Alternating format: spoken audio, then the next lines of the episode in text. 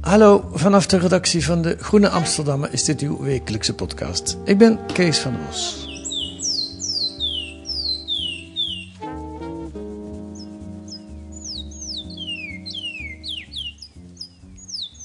Hoor je ook een vogel, Ingrid? Jazeker, Kees. en welke? Ik denk dat dit een Surinaamse zangvogel is. Dat heb je goed. Weet je nog beter ook welke zangvogel? Ik gok een picolet, maar ik weet het niet 100% zeker. Daar moet je wel heel specialistische kennis voor hebben. Die ik wel een beetje heb nu, maar nog niet zo goed als alle hobbyisten daar in Suriname. Nee. Het is een twatwa, volgend de, de, de video op uh, YouTube. Uh, we laten hem nog even lekker doorklinken. We gaan het over vogeltjes hebben vandaag. De twatwa, de dikbek zaadkraker, de picolet, jij noemde hem al. Ze zitten in kooitjes die voorzichtig meegedragen worden door mannen. De eigenaren zijn meestal, misschien wel altijd, mannen. En die doen onderling zangwedstrijden, niet die mannen, maar die vogeltjes. In Suriname, maar ook in de Bijlmer. Een interessant fenomeen voor antropoloog en journalist Ingrid Gerkama. En ze schrijft erover deze week in De Groene. Welkom in de podcast, Ingrid. Dank je, Kees. Ja, zo'n wedstrijd Twatwa, die kan, lees ik in jouw verhaal, op zijn best wel 15.000 euro opleveren. Dat klopt. Het zijn gewilde beestjes. Ja, en het, is dus, het, gaat, het kan gaan om veel geld in deze sport. Zeker. Uh, een, een goede twatwa is inderdaad veel geld waard. Vooral als hij al goed getraind is door zijn eigenaar, zodat hij uh, nou ja, wedstrijden kan winnen. Ja, ja. Um, even over jou of over jullie. Je schrijft het stuk samen met Nathalie Bertrams, um, maar die is er niet bij, want die is in Nederland, niet in Nederland momenteel. Dat klopt. Nathalie is mijn, uh, mijn collega. Ja. Uh, ze is fotograaf en ook onderzoeksjournalist. Ze woont in Duitsland, maar we schrijven wel vaker samen. En hoe komen jullie samen?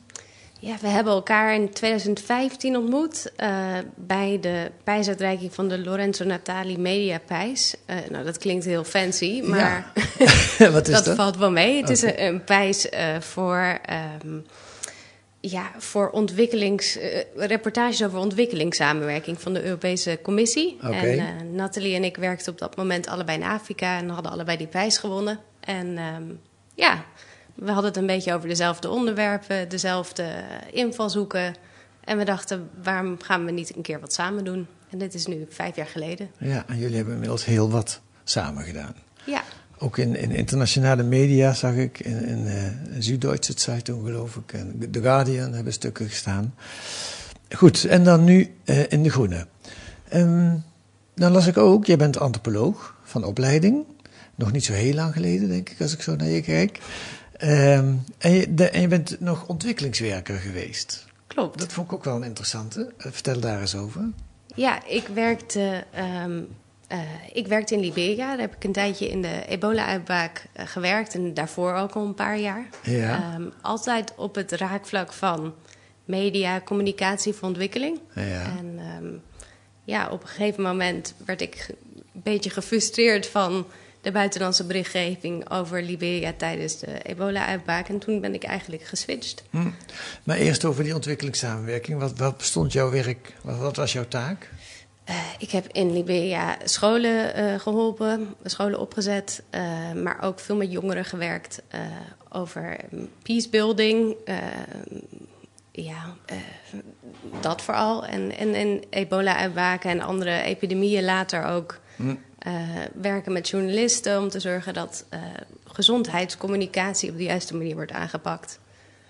Um, dus eigenlijk van de andere kant beredeneerd. Ja, en bij welke organisatie zat je? Uh, ik heb gewerkt voor Internews, dat is een um, media-ontwikkelingsorganisatie. Ik heb bij Save the Children gewerkt, War Child UNICEF. En dan, maar je zat dus altijd al in de richting van de journalistiek, begrijp ik, de communicatie. Klopt. Wat heeft gemaakt dat je de journalistiek ingegaan bent? Uh, voor mij was het uh, vooral omdat ik het gevoel had dat de verhalen van, van de Liberianen tijdens die uitbraak niet goed verteld werden. Ik had het gevoel dat zij heel erg uh, hielpen om, de, om die epidemie te stoppen. En die verhalen zag ik gewoon niet in de krant staan. En toen ben ik eigenlijk voor De Groene begonnen met schrijven over ja, wat normale mensen eigenlijk deden. Hoe uh, Liberia ook bijvoorbeeld heel veel spook, spookleraren had. En hoe ze die problematiek probeerden op te lossen zelf. En wat was er, want daar zitten ja, echte correspondenten vanuit Nederland zitten er misschien niet eens in Liberia, dat weet ik eigenlijk niet. Dus nee. zo'n correspondent zit dan in een ander Afrikaans land en schrijft dan over de ebola-epidemie in uh, Liberia bijvoorbeeld. En wat was het wat jij miste? Ik denk die meer diepgaande informatie, meer echte kennis over een bepaald land, over een bepaald, uh, bepaalde groep in de samenleving. Uh, maar ook uh, het, kiezen van bepaalde bronnen van mensen die eigenlijk nooit in de media komen. Um, misschien arme mensen, misschien mensen uit bepaalde minderheidsgroeperingen, mensen met um, een handicap. Mensen die niet zo snel gevraagd worden om commentaar te leveren op, op een situatie in het land. En toen dacht jij, dat kan ik beter. Nou, ik weet niet beter, maar ik dacht, ik ben daar, ik kan, ik kan mensen wellicht helpen het verhaal ook zelf te vertellen. Ja. En dus zo. En wat was je eerste journalistieke verhaal? Mm, mijn allereerste journalistieke verhaal was volgens mij over die spookleraren. Dus leraren die tijdens de burgeroorlog in Liberia gestorven waren. Mm -hmm. uh, die werden die posities werden eigenlijk gevuld door mensen die ook in het dorp woonden, die misschien wel geschoold waren, maar die helemaal niet die opleiding hadden gehad. Omdat het natuurlijk een overheidspositie was waar ze voor betaald werden. Ja. Dus het werd een soort van omgeruild. Die, die leraren die al lang dood waren of die al lang gevlucht werden, die namen werden overgenomen door andere mensen in het dorp en die gaven toen les. En Liberia had daar uh, heel veel moeite mee, want die wilde eigenlijk, de overheid wilde eigenlijk die mensen van de um, loonlijst afhalen. Maar dat was een groot probleem. Mm -hmm. Dat was het eerste verhaal. En dat was ook, daar ging jouw verhaal ook over. Ja. Over, over die, die, uh, want was dat op zich een goede ontwikkeling dat die mensen die lerarenpositie overnamen of niet? Ik denk ja nee. Aan de ene kant is er natuurlijk enorm veel behoefte aan, aan onderwijs. Um, en die posities moesten gevuld worden. Die werden niet door de overheid gevuld. Leraren werden vaak niet betaald. Hm. Maar aan de andere kant, ja, het waren eigenlijk geen leraren. Het waren mensen die wel wisten hoe ze moesten le lezen en schrijven, maar verder ook niet uh, echt de kennis hadden om anderen te onderwijzen. Dus ja, ja, ja nee. Ja. Goed, we gaan naar het verhaal van, uh, van deze week. Um, Elke zondagochtend op het onafhankelijksplein in Paramaribo verzamelen de mannen zich met hun vogeltjes. Ik ben zelf ook ooit in Suriname geweest en ik zie ze op hun brommers met die, met die, met die kooitjes voorop uh, rijden. En een van hen legt uit wat zo'n wedstrijd, want dat is het dan op die zondagochtend, wat dat inhoudt. Uh, kijk, wat hij dus doet, hij zingt hè. En hij zegt stop, is dat één punt. Elke keer dat hij fluit, stop is één punt. Kijk, wacht, hij gaat fluiten. Hij gaat, als hij fluit, dat is één punt. En je hebt dan 15 minuten. Dan gaan beide vogels tegen elkaar zingen. En degene die het meest heeft gezongen op het scorebord, die is dan de kampioen. Nou, dat mag jij nog een keer uitleggen, Ingrid. Wie, wie is dit? Herken je die stem? Ja, dit is Raiz Abdul. Hij is de voorzitter van de, de Zangvogelbond in Suriname. Um, ja, en hij legt dus uit hoe zo'n wedstrijd werkt. Nou, leg jij het nog eens uit. We zijn dan, uh, je bent er vast ook geweest. Zeker. Ja. Um, nou, je hebt eigenlijk twee kooitjes op uh, stokken staan. En daar staan twee scheidsrechters naast. En in die kooitjes die op die stokken staan, heb je twee vogels zitten. En uh, het idee is eigenlijk dat die vogels zoveel mogelijk slagen, dus een soort van gezang maken. En welke vogel de meeste slagen per 15 minuten maakt, die wint de mm. wedstrijd. Mm. En slagen is een, een riedel, een, een afgerond geluid. Ja, het is uh, niet de natuurlijke zang van een vogel, nee. maar een aangeleerde zang. Ja. Uh, en het idee is dat dat heel kort is, zodat je er zoveel mogelijk kan maken per minuut. Ja, doet me denken aan uh, kraaiwedstrijden, hanenkraaiwedstrijden. Uh, die heb ik wel eens gezien. Dan moet een haan ook een aantal keren kraaien. En dan die, wie het meest kraait heeft gewonnen. En dit is een serieuze sport, hè? Het is een heel serieuze sport. Um, er zijn veel mensen bij betrokken. Er high stakes. Mensen zijn, um, ja, uh, zijn heel teleurgesteld als ze verliezen. Uh, het is eigenlijk net als met voetbal. Ja, ja. High stakes. Je kunt er veel mee winnen. Um, nee, het gaat vooral om de eer en om de status en dat je de beste vogel hebt. Uh, ja. wedden is verboden, uh, ook in Suriname. Dus je kan er wel uh, bijvoorbeeld een fles Black Label of een maaltijd... Of, of in het ergste geval ook een ticket naar, naar Suriname mee winnen. Mm -hmm. Of naar Nederland, waar het dan ook maar wordt gehouden. Mm -hmm. Maar het gaat vooral om de eer. Wat maakt het zo aantrekkelijk voor Surinamese mannen om dit te doen? Weet jij dat? Dat is heel geheimzinnig eigenlijk. Ja, ik heb het er zeker ook. Ik heb het met veel mensen over gehad. En, en sommige mensen zeggen: ja, het, het, is gewoon. Het is een traditie, het is een hobby, het is erfgoed. Het wordt overgedragen van man op man. Um, het gaat om status, maar het gaat ook om. Uh, ja, het is een bezigheid, een hobby. Uh, en die, en, en die vogels vinden ze gewoon prachtig. Ik kan het eigenlijk niet anders uitleggen dan... Ja. Het is een cultuur. Het is, ja. Misschien komt het in de buurt van de duivensport in Nederland? Ik weet niet of je... Wellicht, ja. ja. Het zijn ook opvallend alleen maar mannen. De, ik heb geen vrouw gezien op het veld. Nee. Hobbyisten in Suriname hebben me wel verteld... dat er ook vrouwen zijn die uh, de sport doen. Maar Mhm. ik heb ze zelf niet gezien. Nee. Dus het zijn bijna allemaal mannen. En die lopen ook, als er geen wedstrijd is, lopen ze ook vaak met hun kooitje of fietsen of brommelen met hun, met hun, met hun vogel. Hè? Als, ja, waarom eigenlijk?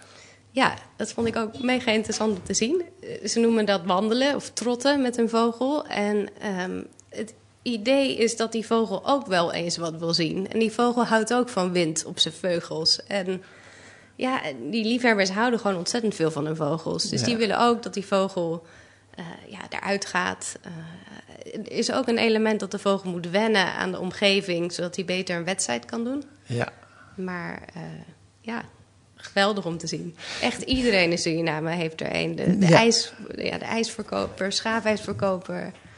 Uh, er hing er een voor het uh, ministerie van Bosbouw. Ja, ja. En iedereen heeft ook zijn eigen opvatting, hè, hoe je het beste de vogel kunt trainen. En, en daar zijn ook allerlei, daar kunnen ze ook uren over praten met elkaar. klopt. Uh, en die meneer Raiz Abdul van de, wat was ook van, de Nationale Surinaamse Zangvogelbond. Zangvogelbond. Daar ben je ook bij hem thuis geweest en dan beschrijf je, die heeft dan negen kooitjes op een rij staan met allemaal tatwas, geloof ik. eh, daarin. ja. Hij specialiseerde zich dan in tatwas. Oké. Okay. Maar hij had ook andere vogels, geloof ik. Mm -hmm. Maar Twatwa was wel echt zijn ding. En dan heeft hij, neem ik aan, één of twee topvogels met wie die naar de wedstrijden gaat. Klopt, hij heeft een paar kampioensvogels. Ja, ja. ja. Dus het is eigenlijk een, een uit de hand gelopen hobby voor mensen die veel geld kost. Ook om, om, om te onderhouden. Ja, ligt eraan hoe je kunt er zoveel geld in steken als je wil eigenlijk. Hè. Maar je doet het dus vooral voor de eer. Daar gaat, die mensen verdienen er niet veel aan. Nou, dat is ook niet helemaal waar. Het is wel voor de, eer, voor de eer. Maar natuurlijk, als je een echte goede kampioensvogel hebt, dan kan die vogel ook wel wat opleveren. Um, zoals je al hebt gezegd. Dus Maar, ja, ja, maar niet zozeer in de wedstrijd, maar in de verkoop dan. Ja, in de verkoop. Ja. Ja. Ja. En wat opvallend is, het is multicultureel hè, in Suriname. Dus de eh, Creolen, Hindoestanen. Het is niet gebonden aan een etnische groep. Nee, het is eigenlijk voor iedereen. Ja, ja. Nou, dat is het mooie, denk ik. Hè? Het is een, een, een hobby, een sport, het bindt mensen. Uh, maar dan nu uh, de lelijke kant. Uh, mm -hmm. Het gevolg is dat vogelsoorten met uitsterven bedreigd worden. Dat klopt. En ja, het ligt voor de hand om te denken hoe dat komt, maar toch, leg eens uit. Nou ja, die, die twatwa die is gewoon enorm populair. Vooral de twatwa, de picolet ook. Um, en die zijn al jaren, jarenlang verhandeld. Het is niet alleen in Suriname, maar ook in Brazilië, in Guyana, um, in een Caribisch gebied. Uh, en die vogels die zijn er niet meer dicht bij Paramaribo. Dat komt misschien door de handel. Het kan ook komen door uh, kap, um, houtkap, goudbouw. Het heeft verschillende redenen. Maar die vogels zijn steeds minder te vinden. Ja, ja. ja. En daarom zijn ze ook beschermd. Ja. En dat, wat, wie beschermt ze? De Surinaamse overheid? Ja, uh, ja, het is eigenlijk vooral de Surinaamse overheid. Die hebben besloten dat de Twatwa en de Picolet op de CITES... Uh, dat is een verdrag tegen, uh, die de handel in bedreigde diersoorten reguleert. Mm -hmm. dat, die, dat die onder die wetgeving vallen. Mm -hmm. En dat betekent dat ze niet geëxporteerd mogen worden. Nee. En dat betekent dat ze ook niet gevangen mogen worden, een groot deel van het jaar. Maar ze mogen wel, je mag er wel mee broeden. Ja, broeden dus, is legaal. Ja. Maar goed, hoe controleer je dat nou? Ja, nou daar, uh, we hebben ook gesproken met um, eh, meneer Romeo Lala van Slans Bosbeheer. En die, eh, die beheert die handel en die controleert daar ook over. En dan moet je dus voorstellen, dan heb je kooitjes vol met vogels met eieren. En dan moet je opschrijven wanneer die vogels geboren zijn, ehm, hoeveel eieren je hebt. En eh, dat wordt dan genoteerd. Ja. En, maar ja, het is natuurlijk ook lastig om dat te controleren. Het is een enorm land, dus er is niet voldoende personeel om dat eh, adequaat te doen. Ja, en je beschrijft ook dat een dorp helemaal in het noorden, nee, in het zuiden van Suriname, aan de grens met eh, Brazilië, daar leven Indianen eh, eh, en die verdienen weer aan het vangen en verkopen van tatwas onder andere. Klopt. Ja, en voor hen is het weer een hele aantrekkelijke vorm van inkomsten, denk ik dan. Klopt. En toen uh, de handel naar Nederland en naar Europa nog legaal was, Mhm. uh, betekende dat ook dat ze daarvan ook konden overleven. Uh, Het is een belangrijke inkomstenbron. Ze hebben daar niet zoveel anders. Ja. Um, en voor hen is het inderdaad ja, een hele belangrijke inkomstenbron. Ja. Ja, het is zelfs zo erg. Op een gegeven moment zitten jullie bij de Nederlandse Voedsel- en Warenautoriteit, die uh, illegaal uh, geïmporteerde zangvogels, maar ook andere vogels in beslag neemt. Op een locatie in Nederland waar ze die vogels houden. Wat doen ze er daarna eigenlijk mee? Weet je dat? Uh, ja, uh, sommige vogels die worden weer terug naar Suriname gestuurd. Ja. En die worden dan opgehaald door Slans Bosbeheer en die worden weer vrijgelaten. Ja. Um, andere vogelsoorten, ja, die kunnen niet meer terug. Die uh, gaan bijvoorbeeld naar dierentuinen of naar vogelparken. Ja. Maar het is zo uh, hot dat jullie. Ze vragen dan: schrijf er alsjeblieft niet op waar je nu zit, want anders komen ze hier inbreken. Ja, dat klopt. dus ook in Nederland. Ook in Nederland, ja. Er in, dat is dan vooral andere vogels, bijvoorbeeld papegaaien. En ja, die worden geroofd. Ja. Uh, uit de dierentuinen zijn ze ook gestolen. Um, het, het, is een, uh, ja, echt, dat is echt een criminele handel. Ja, ja. En, en dan is vogelhandel en papegaaien is maar weer ook weer een onderdeel van een veel grotere criminele handel in allerlei bedreigde diersoorten, waar ook gewoon heel veel handel in is. Hè? Dat klopt. Dat de wildhandel eh, ja. met alle diersoorten is een uh, biljoenen criminele handel. Ja. En uh, groeit steeds meer. Ja. En wat moeten we daaraan doen? Of wat kunnen we daaraan doen? Ja, ik denk dat we heel erg de vraag in Nederland en in andere westerse landen moeten aanpakken. Waarom moeten wij eigenlijk een krokodil hebben? Of waar moeten wij een, een bedreigde soort vogel hebben? Um, en aan de andere kant denk ik dat je kan helpen door bijvoorbeeld uh, in landen zoals Suriname ook uh, beschermingswerk te, te financieren. Um, daar met, met, um, met mensen zoals meneer Lala samen te werken ja. om, om dat soort handel te stoppen. Ja, ja. ja, het lijkt een beetje, nu je zo aan het praten bent, denk ik, en het lijkt een beetje op drugs. In de zin van, je mag, het, je mag zo'n rare papegaai uh, of zo'n zo duur zangvogeltje hebben. Dat doe je niks illegaals. En dat maakt het heel moeilijk om te bestrijden dat je er misschien niet illegaal aangekomen bent. Ja, ik denk dat dat, uh, een, ja, ik denk dat, dat waar is. Ja. ja. ja. En nou, zou je het in, in Nederland nog kunnen verbieden? Kunnen wij zo tegen elkaar zeggen. Ik denk de mensen die die vogels hebben, zullen daar weer heel anders over denken. Maar in Suriname is dat geen oplossing, denk ik. In de zin van, dan verbied je een, een ritueel wat verschrikkelijk belangrijk is. Dat lukt je nooit. Ja, plus in Suriname is een, een groot deel van die handel in vogels ook gewoon totaal legaal en gereguleerd. Hm. Um, en ja, op zich, als dat op een goede manier gedaan kan worden, dan zouden mensen zeggen, is daar eigenlijk niks slechts aan. Mm -hmm. Maar het probleem is een beetje dat vaak um, er geen geld is voor populatieonderzoek. Dus we weten in feite niet hoeveel vogels of hoeveel dieren er nog leven ja. in de jungle. En ja, dat maakt het een beetje lastig om ze op de juiste manier te beschermen, denk ik. Ja. Aan de andere kant denk ik, die jungle is zo verschrikkelijk groot. Uh, wat kan je nou met vangen? Kun je daar populaties mee bedreigen? Dat kan ik me bijna niet voorstellen. Ja, ja, we kunnen het ook niet met zekerheid zeggen. Nee. Want we hebben de populatiedata niet. Maar dan is de vraag een beetje: moet je dat dan doen of moet je dat dan niet doen als je de data niet hebt? Ja. Um, en het is natuurlijk ook zo, ja, hobbyisten die, die, die zeggen dat de hobby zelf niet het probleem is, uh, maar dat het eigenlijk de criminelen zijn die daarin um, in handelen, dat die het probleem zijn. Hm. En kun je de hobby laten bestaan? En criminelen aanpakken. Ja, dat weet ik niet of dat kan. Ik denk dat dat vaak makkelijker gezegd is dan gedaan. Ja. Maar ja, eh, ik denk ook wel dat er, ja, als antropoloog en ook als, eh, als mens, eh, die vogels betekenen enorm veel voor die hobbyisten. Het is vaak belangrijker voor ze dan, dan hun kind, zeggen ze. Het, het is gewoon enorm geliefd. En Ja. of je dat dan totaal wil afschaffen, weet ik ook niet of dat nou precies het juiste is. Hier spreekt ook de antropoloog eh, Ingrid Gerkama. Ja. Die oog heeft voor het ritueel en voor het belang daarvan voor de mensen. Ja, in dat opzicht denk ik dat het gewoon een vrij lastig en dubbel onderwerp is. Ja. Met heel veel verschillende kanten daaraan. Ehm, ja. En je kunt het beschrijven, maar je kunt het eigenlijk niet verklaren. In de zin van waarom? Waarom is dit zo'n zo'n belangrijke hobby voor Surinamers?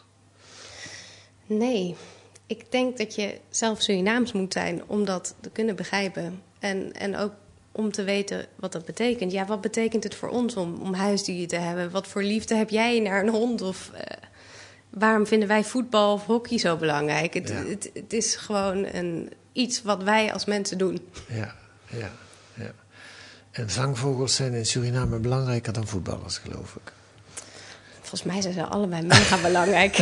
Ja, vo- voetbal is toch ook wel een ding. Voetbal is ook zeker een ding. Maar zangvogels, ja, dat is gewoon... Het zit, ja, puur Surinaams. Hey, even over hoe, hoe jullie het hebben eh, aangepakt. Ehm, hoe, hoe ben je op het onderwerp gekomen? Nou, we hadden natuurlijk al voor de Groene geschreven over de handel in eh, siervissen. En we hebben een verhaal gedaan over de handel in eh sneeuwklokjesbollen. Eh, het zijn allemaal bedreigde diersoorten of plantsoorten. Sneeuwklokjesbollen, dat is ook een ding. Ja, dat is een bedreigde plantsoort die wij in ons eh, tuincentra in, in Nederland kunnen kopen. Die komen vaak uit Georgië, van de Caucasus. Oké. Beetje hetzelfde verhaal als de vogels. We weten niet precies hoeveel er nog zijn, Mhm. maar ze zijn beschermd. Ja, ja en toen... Ja, dan kom je al snel bij alle andere diersoorten die worden verhandeld, eh, die ehm hobbyisten houden. En ja, dat fascineert me gewoon. Ja. Was je alles in Suriname geweest voor dit onderzoek of niet? Nee, dat is mijn eerste keer in Suriname. Dus het was ook de eerste keer dat je zag hoe belangrijk die vogels daar waren. Ja, of zeker. ze daar zijn. Ja. Maar hoe pak je het dan aan? Want je, bent, dus, je komt van de buitenkant, zou ik maar zeggen. Klopt. En je wilt het onderzoeken. Eh, met Nathalie dan, je collega. Hoe hebben je dat aangepakt? We hebben eerst online onderzoek gedaan, dus op hobbyistenfora, eh, op Facebook, waar veel van die vogels worden verkocht. Ehm, en daarna zijn we eigenlijk eerst eh, in contact getreden met, met de hobbyisten zelf. Dus met de zangvogelbonden in Nederland en ook in Suriname. Ehm, en die hebben ons weer voorgesteld aan bijvoorbeeld Landbosbeheer. Ehm, die hebben ons dan weer voorgesteld aan alle handelaren. Het, het is een beetje zo'n eh, sneeuwbalgeval Ja. eh, geweest. En aan de andere kant hebben we ook gesproken met hand- wethandhavers. ehm, mensen die al heel lang politiewerk deden, maar die nu ehm, eruit zijn. En, en die hebben ons de andere kant van het verhaal verteld. Dus zeg maar zo, die twee kanten. En daarna ook gekeken naar ehm, ja, officiële data, CITES, eh, data, inbeslagnamingsdata en zo. CITES, dat noemde je al, dat is dat verdrag wat eh, vogelsoorten beschermt. Hè? Maar- Diersoorten. Oh, ehm, ja, ik ja. moet zeggen diersoorten. En wat was nou moeilijk aan dit onderzoek? Wat was moeilijk? Het was enorm lastig om het vertrouwen te winnen van hobbyisten en van handelaren. Dat die dachten, daar heb je weer zo'n journalist die ons gaat maken. Klopt. en ja, dat is gewoon enorm lastig, want je wil eigenlijk alle kanten ervan laten zien. Maar aan de andere kant is het ook vaak zo dat mensen gewoon. eh, ja, het is een hobby, het is een liefde. Je mag er niks negatiefs over zeggen. Dat was enorm lastig. Mhm. Ehm, Dus je hebt heel veel moeten investeren in, om te laten zien dat je serieuze journaliste bent en dat je er niet op uit bent om een schandaalverhaal erover te maken. Klopt. Ja, lange tijd. Het heeft ook maanden geduurd. Ehm, we hebben echt wel meerdere interviews met verschillende mensen gehad. Ehm, ja, Ja. Maar op een gegeven moment zit je dan ook in het oerwoud, eh, eh, ik geloof in een bootje, of en dan zie je ook hoe zo iemand doet voor hoe die een twatwa kan vangen. En dat is natuurlijk super indrukwekkend. Nou, die jungle überhaupt al prachtige geluiden s'nachts. Uh, vogels, bondkakelend, rondvliegend, uh, geweldig. Ja. Um, en dan hoe je zo'n vogel moet vangen. En daar heb je echt wel talent voor nodig. Je moet er urenlang voor stilzitten. Zo'n beestje komt niet zomaar. Um, al die vogelvangers uh, die kunnen werkelijk waar elke vogel die maar in de jungle vliegt nafluiten. En die doen dat dan ook om die, die vogels te lokken. Ja. Het is indrukwekkend. En dan heb je aan de andere kant de, autoriteiten. De mensen, de, het bosbeheer en de mensen die in Nederland de Voedsel- en Warenautoriteit. En nou, corrigeer me als ik het verkeerd zeg, maar als ik jouw verhaal lees, dan denk ik dat is wel. Die doen hun best, maar het is heel erg dweilen met de kraan open. Ja, ik denk dat het lastig is om welke soort smokkel of welke soort illegale handel dan ook aan te pakken. Mhm. Mm -hmm. um, maar er zijn zoveel ontzettend veel vogelsoorten. Om die überhaupt te herkennen is al heel lastig. Daar heb je specialistische kennis voor nodig. En ook de overheid investeert er niet voldoende in.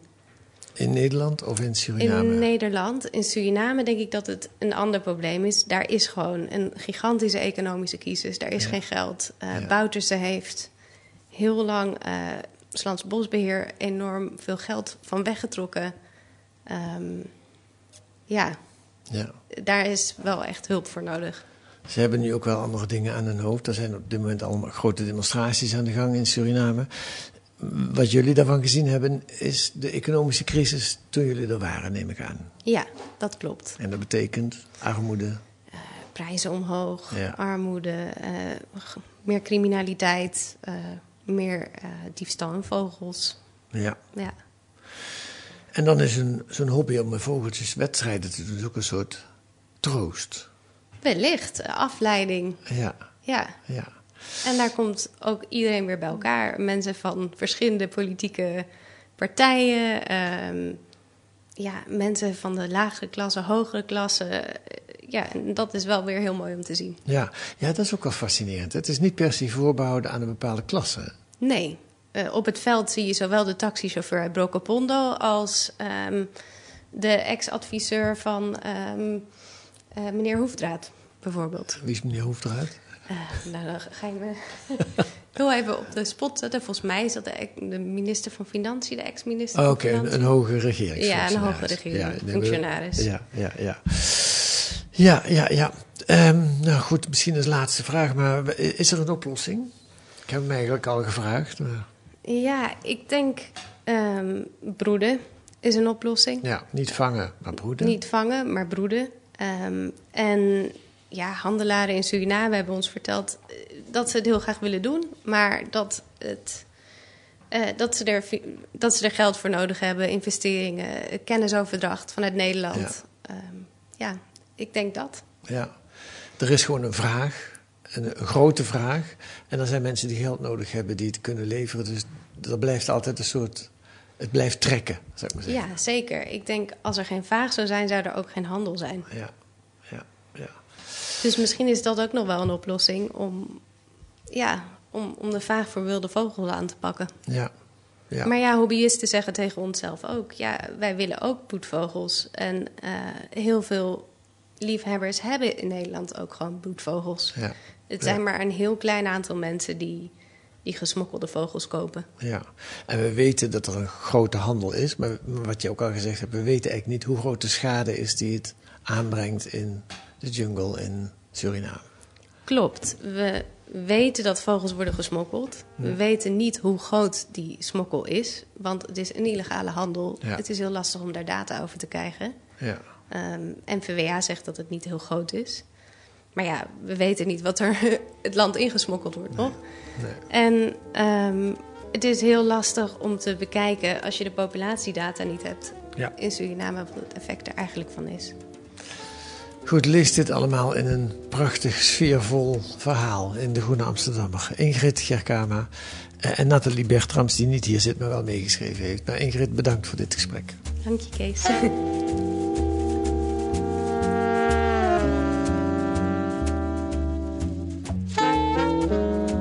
Wat staat er nog meer deze week in De Groene? Een onderzoek van Investico naar de opvang van Oekraïense vluchtelingen in Nederland. Die hebben een speciale beschermde status en daardoor zou alles veel beter gaan. Maar de werkelijkheid is anders. Gemeenten die voor de opvang verantwoordelijk zijn, zijn overvraagd door de zoveelste decentralisatie. Ze moeten allemaal opnieuw het wiel uitvinden en daar gaat heel veel mis. Dat heeft Investico onderzocht. En een verhaal over G.D. Vance, schrijver van een veelgeroemd boek over de veronachtzaamde hillbillies in Amerika.